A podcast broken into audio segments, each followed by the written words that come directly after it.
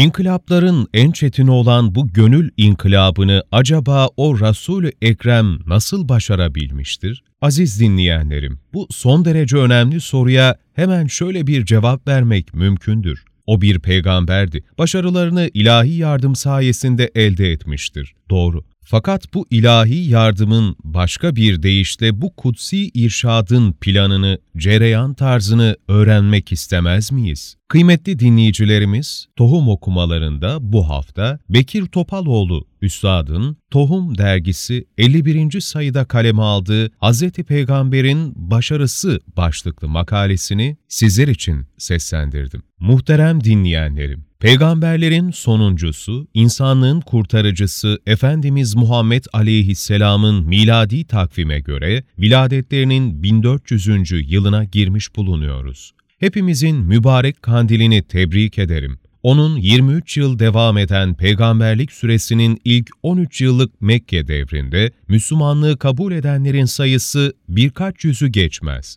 Son 10 yıl sonunda yani Resul-i Ekrem Efendimizin vefatı sırasında Müslümanların 200 bin civarında olduğu sanılmaktadır. Bugün yeryüzünde 700 milyon Müslümanın yaşadığı tahmin ediliyor. İnkılapların en çetini olan bu gönül inkılabını acaba o Resul-i Ekrem nasıl başarabilmiştir? Aziz dinleyenlerim, bu son derece önemli soruya hemen şöyle bir cevap vermek mümkündür. O bir peygamberdi.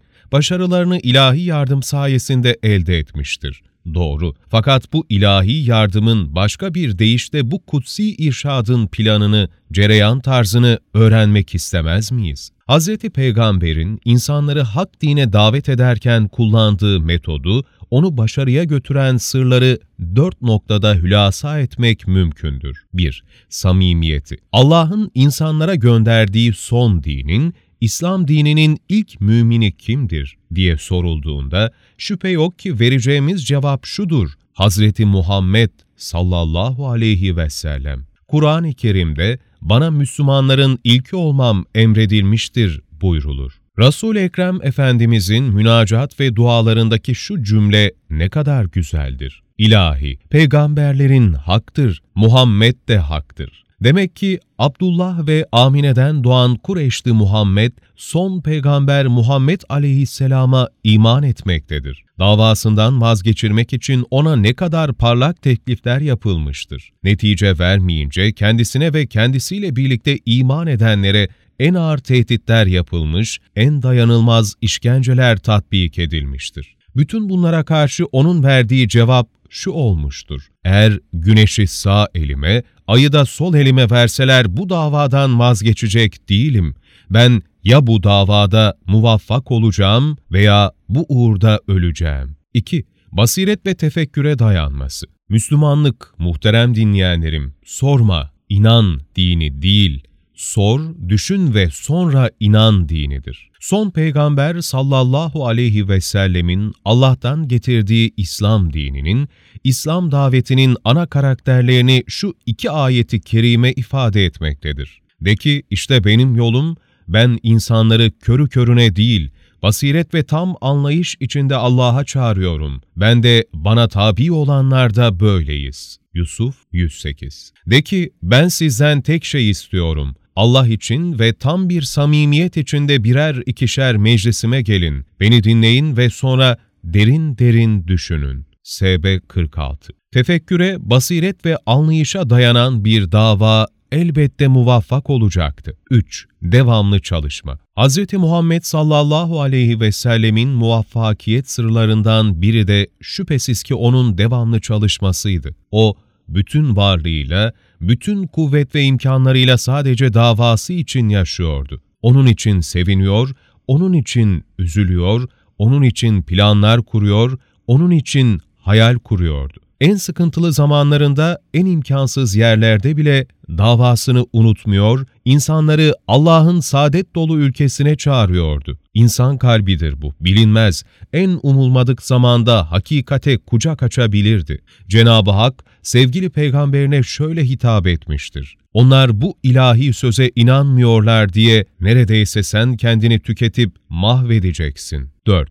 Mücadele yerine davet metodunu kullanması. Hz. Peygamber'in muvaffakiyetinin sırları öyle sanıyorum ki bu noktada toplanmaktadır. Evet, o Rasulü Kibriya, o en güzel ahlaka, en üstün karaktere sahip Hatemül Enbiya, o bütün alemlerin rahmet vesilesi Muhammed Mustafa mücadele etmiştir. Fakat bu mantıki manada bir cedel değildi, bir davetti. Şüpheleri gideren, kafaları dolduran, gönülleri doyuran bir davet. Bu mücadele mantıki oyunlarla karşısındakini susturmak, küstürmek veya kızdırmak yok. Sadece idrake, anlayışa ve insafa davet vardı. İkna yolu vardı. Kur'an-ı Kerim'de sert mücadele, yıkıcı münakaşa yerilmektedir. Rabbinin yoluna hikmetle, doğru ve ikna edici sözle ve güzel öğütle davet et. Onlarla en güzel metotla mücadele et.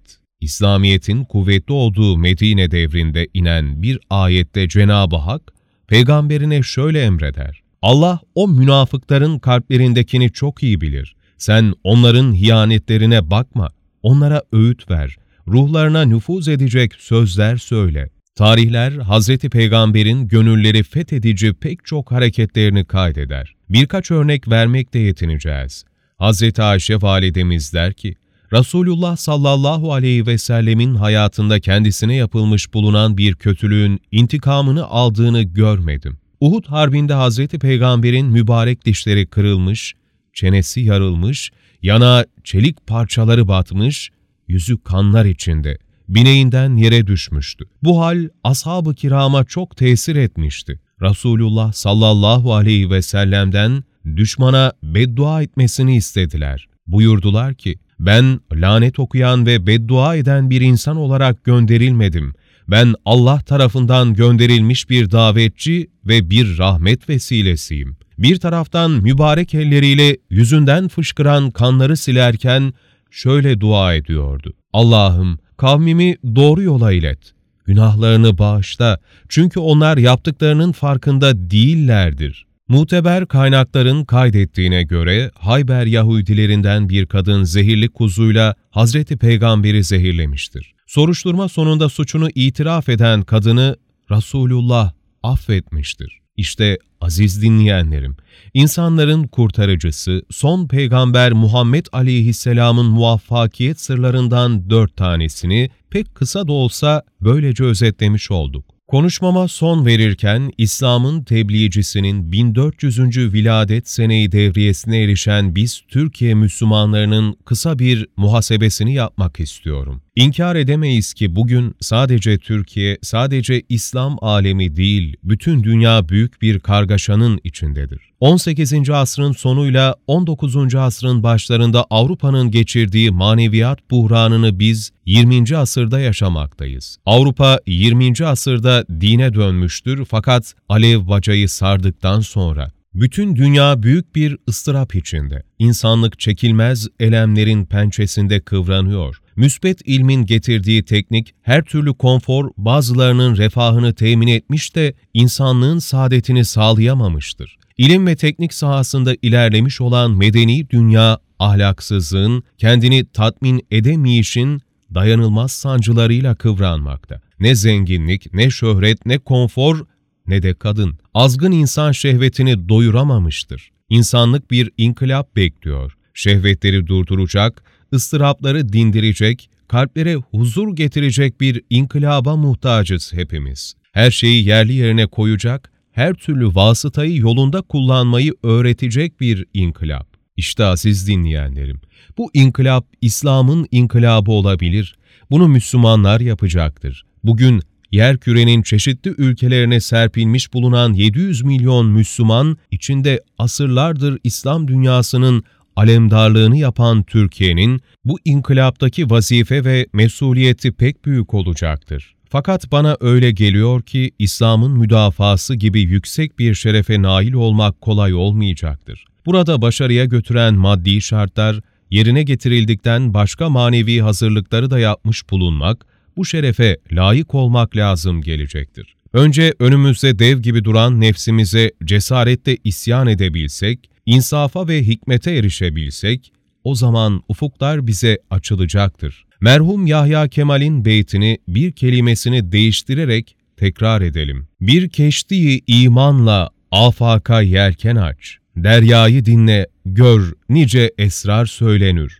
O zaman biz İslam'ın göz kamaştıran meşalesi oluruz. Bu meşalenin karşısında bazı gözler kaçacak, bazıları apışıp kalacak. Kimi de İslam'ın nuruna can atacak. İşte burası kaderdir. Bizi ilgilendirmeyecektir. Yüce Peygamberimiz rehberimiz olsun.